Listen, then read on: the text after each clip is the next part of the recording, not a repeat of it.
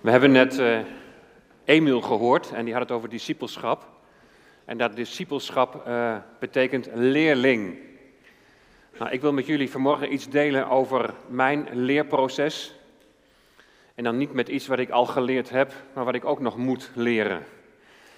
En uh, de titel van deze prediking is De schaamte voorbij. En het eerste schriftgedeelte dat ik graag met jullie wil lezen is Marcus 8, vers 34 tot 38. Marcus 8, vers 34 tot 38. En die andere twee gedeelten komen op een iets later tijdstip. Dat gedeelte hebben we al twee keer eerder gelezen. Maar we gaan daar nu een derde aspect van behandelen.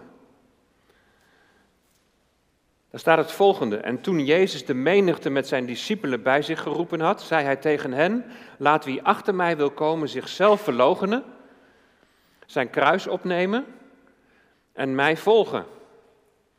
Want wie zijn leven zal willen behouden, die zal het verliezen.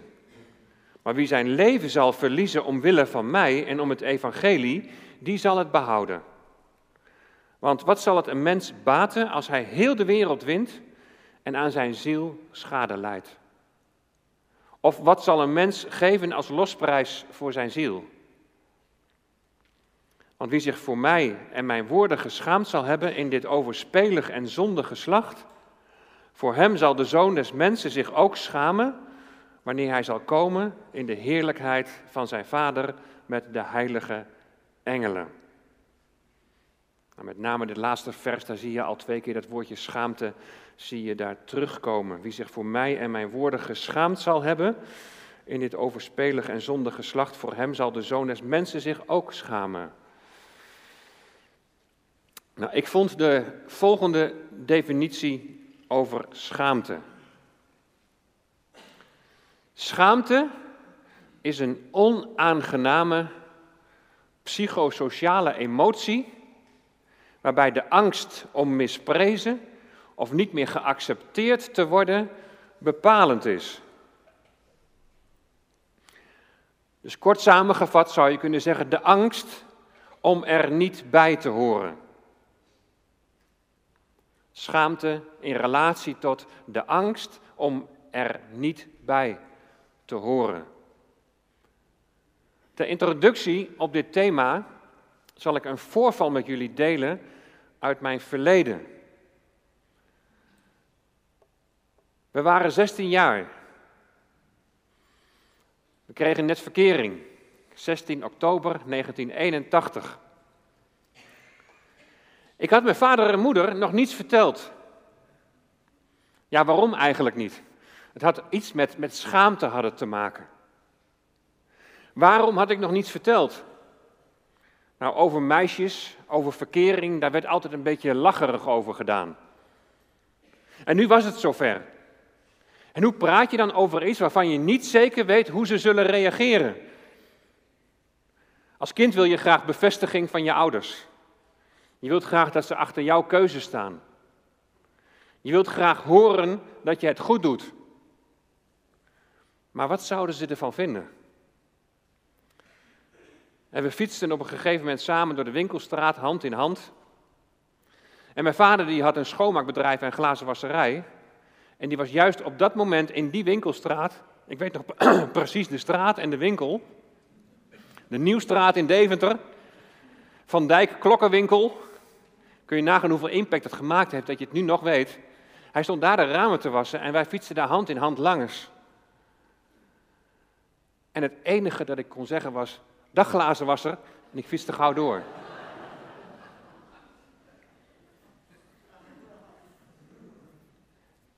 Ik weet niet meer precies hoe Karin gereageerd heeft. Ze was, dacht ik, wel een beetje verbaasd. Maar ik wist niet wat ik moest zeggen. Ik schrok me wezenloos. Ik wist niet hoe hij zou reageren. Nou, toen ik thuis kwam, was mijn vader not amused. Hij zei, wat was dat? Kun je niet even zeggen met wie je daar fietst? Schaam je je soms voor mij? Nou, die opmerking, dat was vele malen erger dan dat hij misschien mogelijk zou hebben gelachen om een vriendinnetje. Wat kwam dat binnen? Schamen voor je vader. Dat was echt geen moment in me opgekomen. Ik wist me gewoon geen houding te geven. Ik was bang voor de reactie. Misschien wel bang voor afwijzing. En schaamte, er niet bij horen, afwijzing. Toch een vorm van schaamte, maar dan niet voor mijn vader, maar voor mezelf. En je kunt je ook afvragen waarom het idee dat ik me voor hem zou schamen het eerste bij mijn vader opkwam. Zijn beroep staat niet bepaald hoog aangeschreven. Als ik zei tegen jongens van, nou, ik help mijn vader in de zaak en ik ga meehelpen met ramen wassen. Oh, zeiden ze, dan kun je lekker overal naar binnen gluren, hè? En vaak riepen ze, als de scholieren naar school gingen en wij waren in de winkelstraat zo bezig, dan riepen ze, hey, kopje koffieglazenwasser. Een beetje zo neerbuigend. De gedachte dat de glazenwasser alles ziet, en vooral natuurlijk op erotisch vlak. En dat terwijl mijn vader bekend stond als een keurige man, en toen had het keurig en overal, met altijd een stropdas voor. Ik ken hem niet zonder stropdas. Altijd keihard gewerkt voor zijn boterham. Schaamte? Hij is iemand om respect voor te hebben en dat heb ik ook. Was het bij hem wellicht ook een vorm van, van schaamte? Angst om misprezen te worden? Niet geaccepteerd worden door je zoon? Weet je, schaamte maakt bewust of onbewust deel uit van ons leven. En veel, veel van onze keuzes worden bepaald door schaamte. En schaamte is ten diepste een angst om afgewezen te worden. Er niet bij te horen. Een mens is nu eenmaal een sociaal wezen en je wilt erbij horen. En je vergelijkt jezelf met anderen. Die ander die kan dat veel beter. Of die ander die ziet er veel beter uit. Ik kan dat niet of ik durf dat niet. Want hoe zullen ze reageren? Wat zullen ze wel niet van me denken?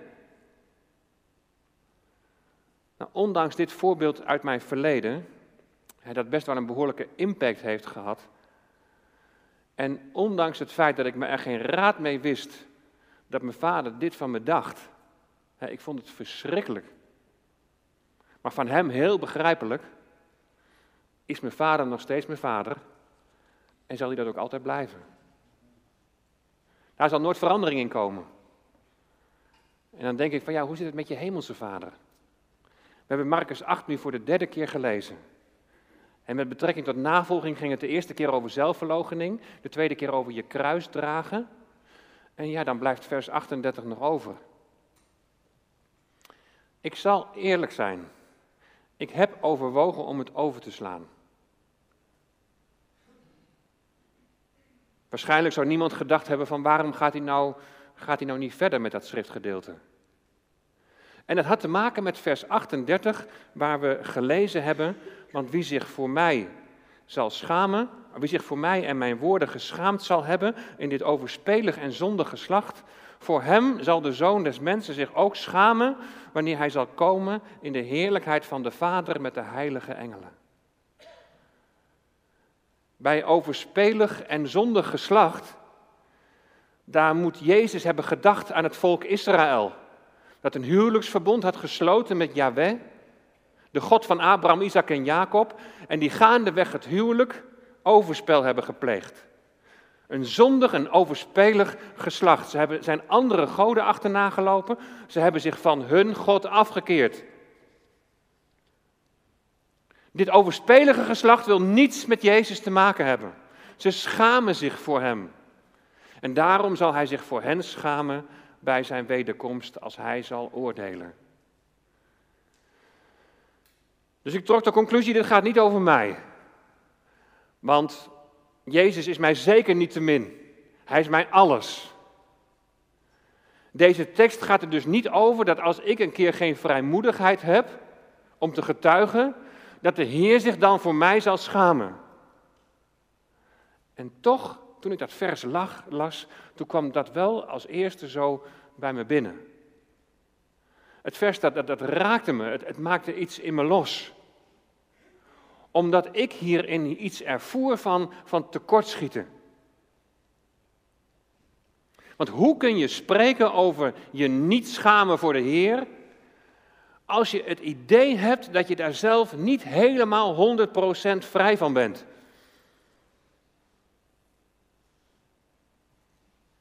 Totdat ik me ging verdiepen in het onderwerp schaamte en me duidelijk werd dat het juist dan belangrijk is om je kwetsbaar op te stellen. Weet je, ik vind het niet moeilijk om in een vertrouwde omgeving over de Heer te spreken. Zoals vanmorgen. En het aantal mensen maakt me helemaal niets uit. Jullie verwachten dat ik over de Heer Jezus spreek. Ik vind het niet moeilijk om te getuigen als zich een gelegenheid voordoet. En dan zal ik zeker niet nalaten om daar ook op in te gaan. Maar zomaar spontaan op mensen afstappen. Ik zei net al, het is mijn leerproces waar ik iets van mag delen vanmorgen. Maar om zomaar op mensen af te stappen of zomaar spontaan te beginnen. Als je bijvoorbeeld in de stoel bij de kapper zit. Ja, dat vind ik moeilijk. Dat vind ik toch wel heel lastig. Twee keer heb ik me opgegeven voor evangelisatie op de Lange Nering. Sipke begint dan een beetje te lachen. Eerlijk gezegd voelde ik me diep ongelukkig. Zomaar op mensen afstappen, hè, vragen stellen over het geloof. Kijk, als ik dan eenmaal in gesprek ben, dan is het geen probleem meer. Dan gaat het wel. Maar wat is dat toch? En dan lees je bijvoorbeeld Romeinen 1, vers 16.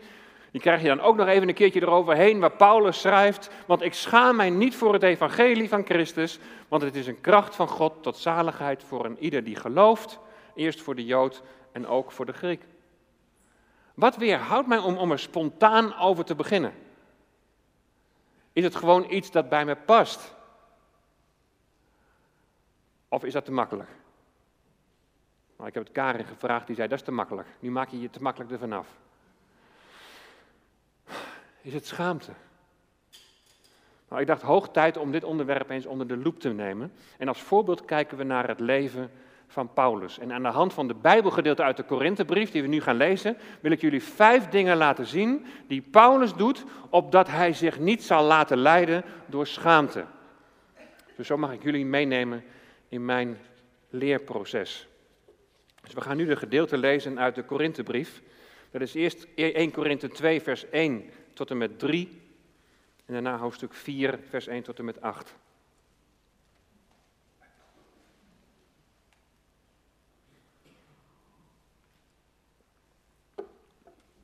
1 Korinthe 2 vanaf vers 1.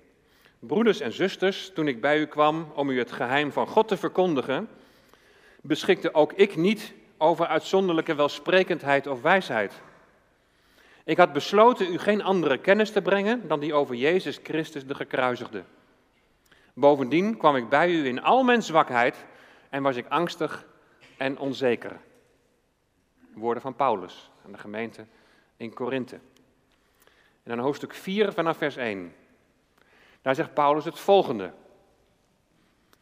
Men moet ons beschouwen als dienaren van Christus, aan wie het beheer over de geheimen van God is toevertrouwd. Van iemand die deze taak vervult, wordt verlangd dat hij betrouwbaar is. Maar hoe u of een menselijke instelling over mij oordeelt, interesseert me niet. En hoe ik over mezelf oordeel, telt evenmin. Ik ben me weliswaar van geen kwaad bewust, maar dat betekent niet dat mij niets ten laste kan worden gelegd. Het is de Heer die over mij oordeelt.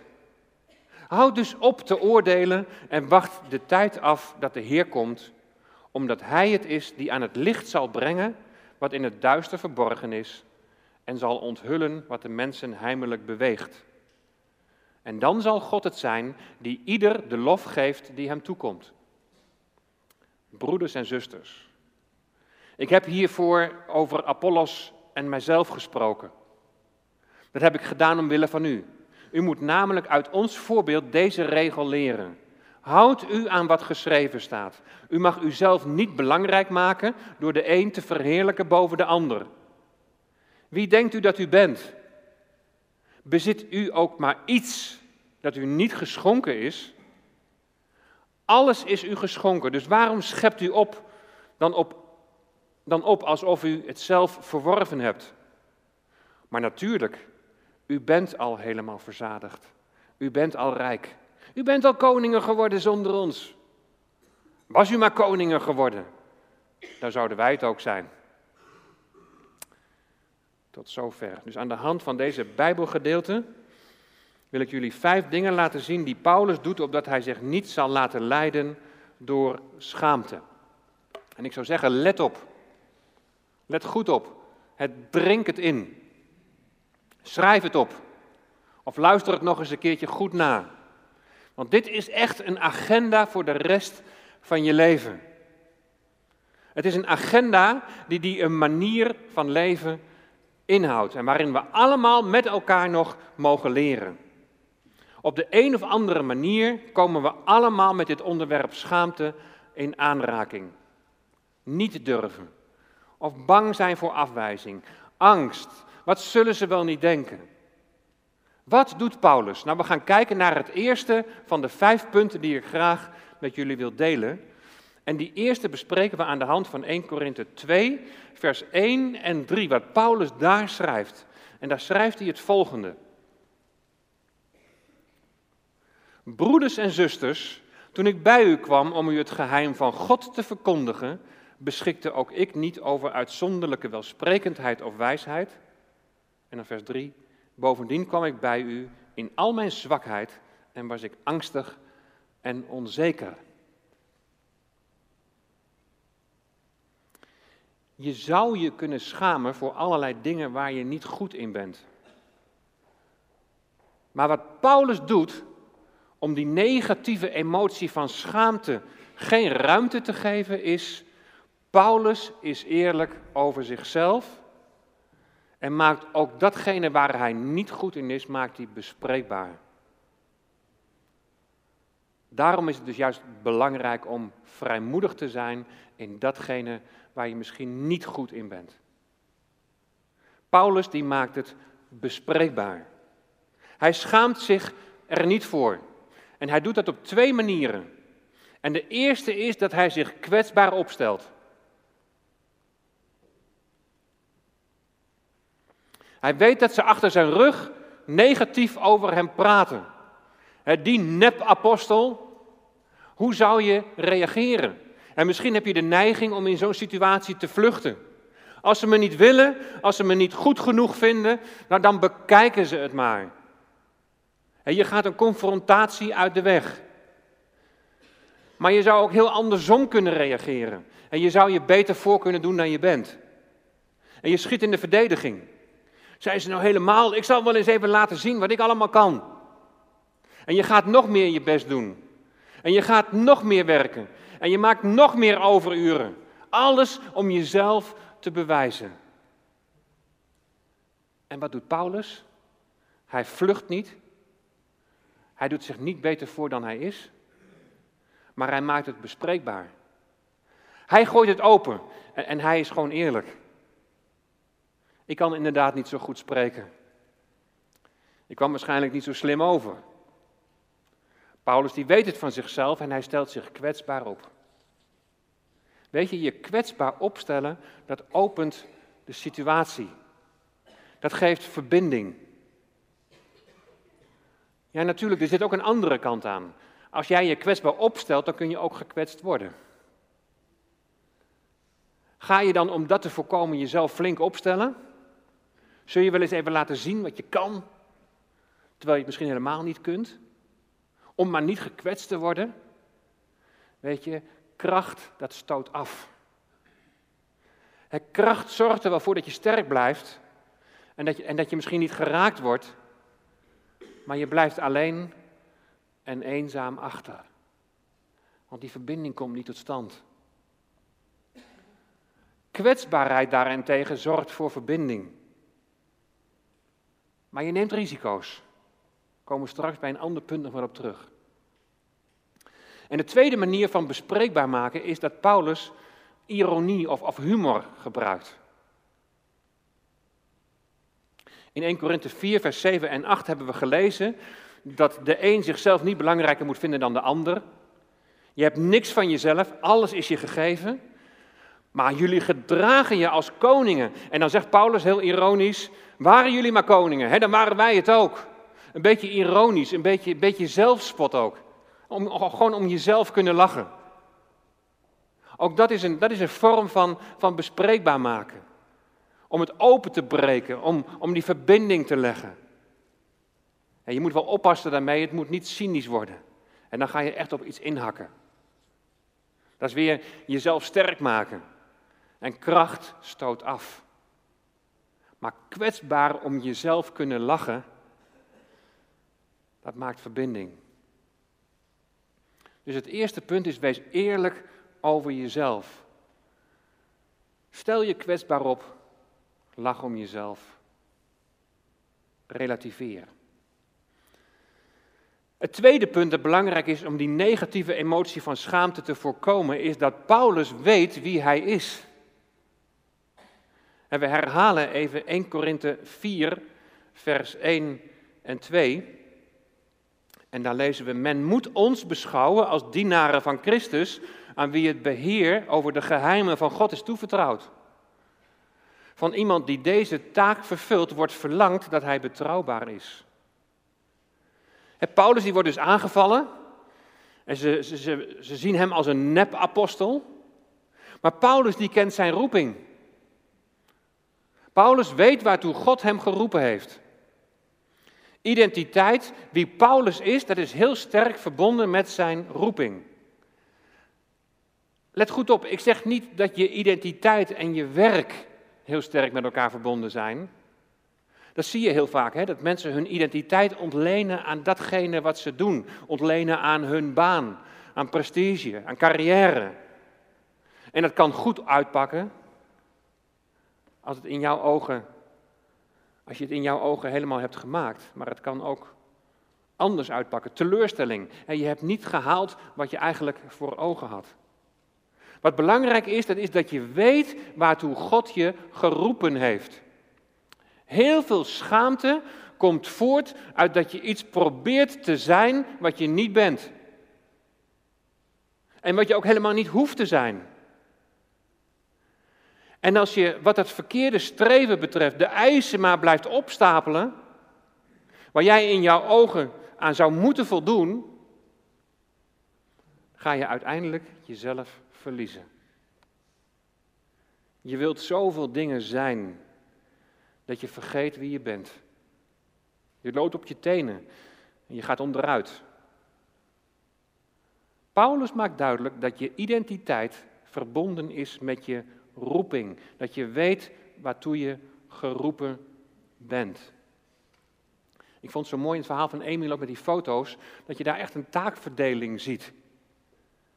En dat Johan ontdekte, hé hey, maar hey, mijn kwaliteit ligt juist daar en mijn roeping ligt daar om praktisch mensen te helpen en wellicht op zo'n manier met mensen elkaar in gesprek te komen. Zo belangrijk dat je weet waartoe je geroepen bent. Want dan zeg je, dit is wie ik ben en, en dat omarm ik. En daarmee zeg je ook wat je niet bent en wat je niet kunt. Dit ben ik niet en dat ben ik niet, maar dat ben ik. En dat omarm ik. En roeping komt dan niet voort uit wat mensen om je heen van jou verwachten. Het komt ook niet voort uit wat, wat mensen om jou heen nodig hebben. Je roeping komt ook niet voort uit wat jij denkt dat je nodig hebt om een succesvol en een nuttig leven te leiden. Maar roeping komt voort uit dat waar God je toe roept. En dat ligt niet altijd helemaal, heel, helemaal duidelijk vast en het kan ook voortdurend in beweging zijn. Dat vraagt afstemming. Dat vraagt om een wandel met de Heer. Tijd nemen om Hem tot je te laten spreken. Vragen, Heer, wat wilt u dat ik doe? Wat zijn de werken die u voor mij hebt bereid? En wij maken in ons leven vaak een onderscheid in hele grote werken en hele grote bedieningen en hele kleine werken. Dat maakt voor God niet uit. Het is lang niet altijd een gemakkelijk proces. Want je moet loslaten wat mensen om jou heen verwachten. Je moet ook loslaten wat je jezelf oplegt. En je moet durven omarmen wat je bent. Waartoe je geroepen bent. En weten waartoe God je geroepen heeft, dat voorkomt die negatieve emotie van schaamte. Je hoeft niet alles te kunnen. Ah, wat een opluchting. Leef met God, laat je leiden door de geest en omarm je roeping. Het derde wat Paulus doet om die negatieve emotie van schaamte te voorkomen, is dat Paulus relativeert hoe mensen over hem denken. En we hebben dat gezien in 1 Korinthe 4, vers 3. Maar hoe u of een menselijke instelling over mij oordeelt, interesseert me niet. En hoe ik over mezelf oordeel, dat telt evenmin.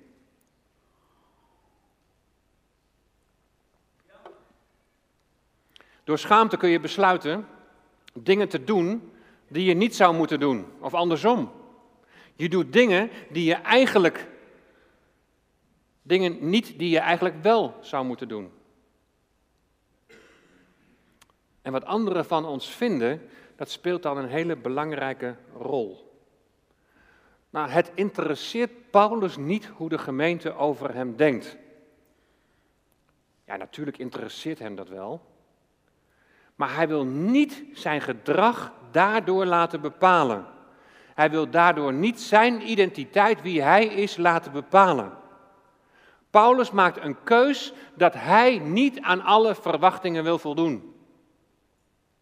Dit is wat ik ben, zegt Paulus. Dit ben ik. Take it or leave it. En hij legt de dingen heel helder op tafel.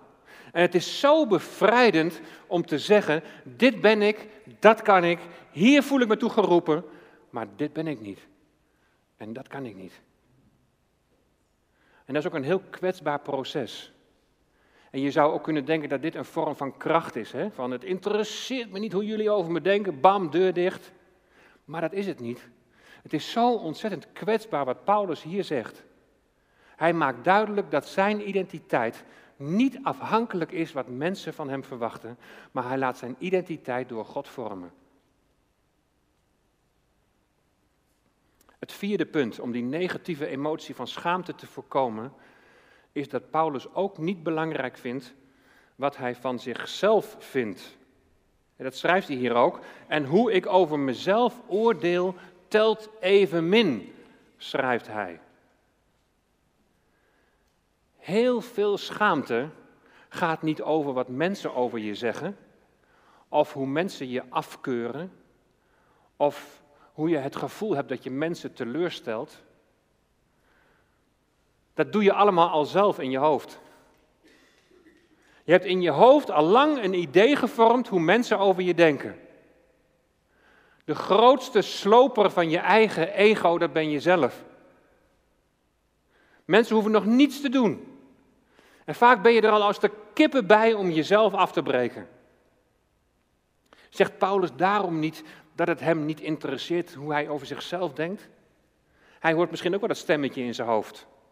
Je kunt het niet. Je zult falen. Maar het stemmetje dat je hoort hoeft nog geen waarheid te zijn. Wat ik van mezelf vind interesseert me niet, zegt Paulus. Maar Paulus die maakt een keus om het allemaal te relativeren. Herken jij ook die neiging om die anderen tot norm te stellen en dan jezelf als afwijking?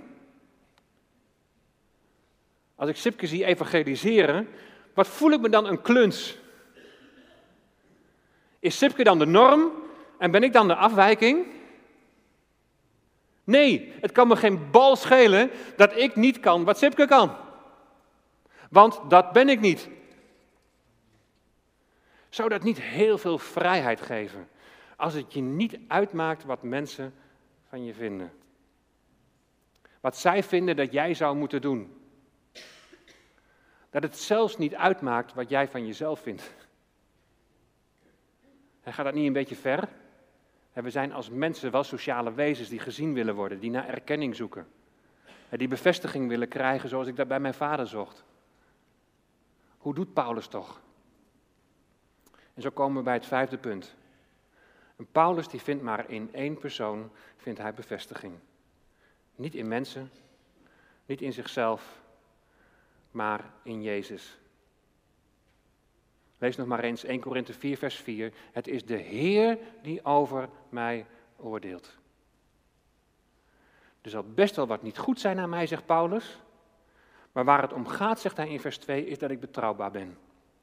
En wat dat betreft ben ik me van geen kwaad bewust. Ik ben eerlijk en ik ben oprecht. En er is er maar één die over mij oordeelt en dat is de Heer.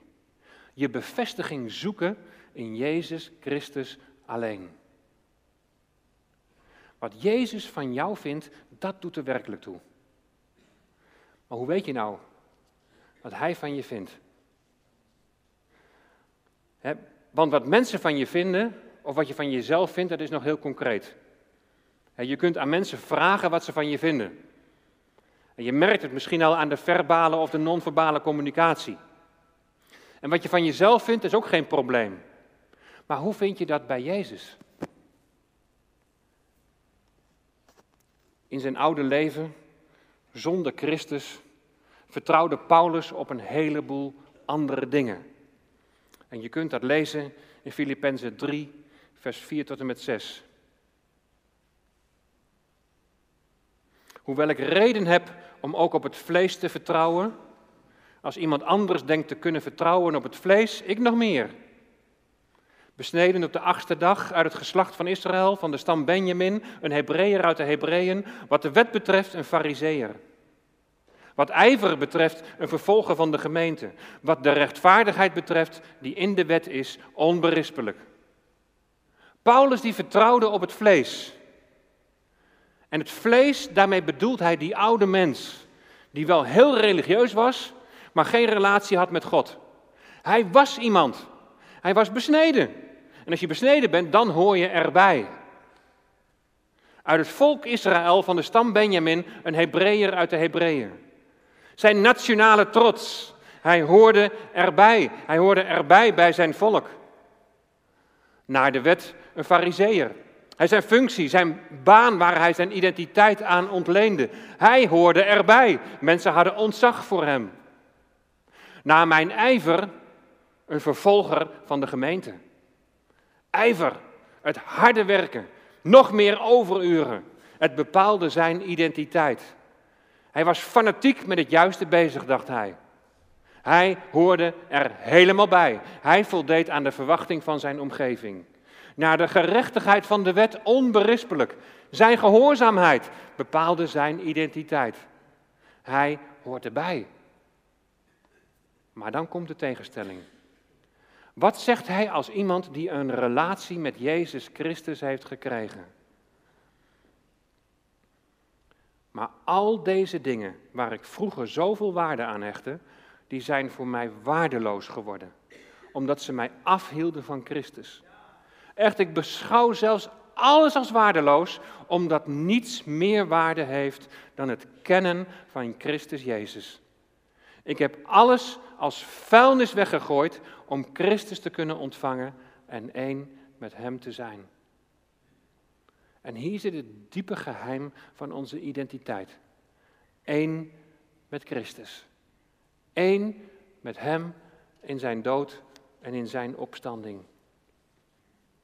Je oude ik, die gebukt onder de macht van de zonde zou leiden tot de eeuwige dood, die is aan het kruis, is die teniet gedaan. Je oude ik, die zijn identiteit ontleent aan de goedkeuring en de verwachting van mensen, die is gekruisigd. Op grond daarvan zegt Paulus, één ding doe ik. Vergetend wat achter mij ligt en mij uitstrekkend naar wat voor mij ligt, jaag ik naar het doel. De prijs van de roeping van God die van boven is in Christus Jezus. Wat hij achter zich laat, is dat hij gerechtigheid verwacht door de wet. Hij leeft niet langer onder de verwachtingen waar hij niet aan kan voldoen. Niet ten opzichte van God, niet ten opzichte van mensen.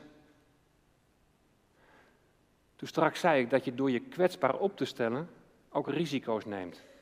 Dat mensen je teleurstellen of dat mensen je afwijzen. Dat is niet prettig. Maar Paulus die heeft daar iets anders voor in de plaats. Die hoge verwachtingen van anderen en wat je jezelf op kunt leggen, dat heeft hij achter zich gelaten. Het oude is voorbij. Zelfs wat hij van zichzelf vindt. Zijn kracht ligt nu in het kennen van Christus. Zijn kracht ligt nu in zijn identiteit in Jezus Christus. En hij jaagt nu in hem, één met hem in zijn dood en opstanding, in hem jaagt hij naar het doel. De prijs van de roeping van God die van boven is in Christus Jezus. Christus heeft Paulus op weg naar Damascus van boven geroepen. Geroepen om deel te nemen aan de wedloop van de christenen. Een wedloop waaraan een prijs is verbonden. Volmaaktheid naar de opstanding uit de doden. De schaamte voorbij. Ik laat ze nog één keer alle vijf zien. Paulus is eerlijk over zichzelf. En maakt dat waar hij niet goed in is, maakt hij gewoon bespreekbaar. Hij stelt zich kwetsbaar op. Paulus weet wie hij is. Hij kent zijn roeping. Hij weet waartoe God hem geroepen heeft. Dit ben ik, dat doe ik en dat omarm ik. Paulus relativeert hoe mensen over hem denken. Paulus vindt niet belangrijk hoe hij over zichzelf denkt. Want Paulus vindt bevestiging in Jezus alleen. Hoe nu verder? Luister het nog eens na, zou ik zeggen, of maak aantekeningen. Ga binnen je Bijbel lezen. Laat de Heer Jezus tot je spreken. Wat is jouw schaamte? En hoe ga jij ermee om? Ken je dat gevoel van er niet bij te horen? Zou je de handvaten van Paulus tot je willen nemen en dan er vervolgens mee willen oefenen? Zoals ik er ook nog mee moet oefenen en het dagelijks weer tot me moet nemen. Ik mag rustig die vrijmoedigheid nemen, want ik weet wie ik ben. En ik weet waartoe de Heer mij geroepen heeft. En dan hoef ik niet op de lange nering te staan. Er zijn anderen die dat veel beter kunnen. Maar dat betekent niet dat ik mijn vrijmoedigheid prijs moet geven. Maar misschien juist weer op een hele andere plek. Met andere mogelijkheden. Dus dan mag ieder op zijn eigen plekje. Laat je leiden door de Heilige Geest en zoek je bevestiging in Jezus alleen. En weet je, we gaan, we gaan nu zo'n prachtig lied zingen. Jullie mogen alvast naar voren komen. God wijst je een weg.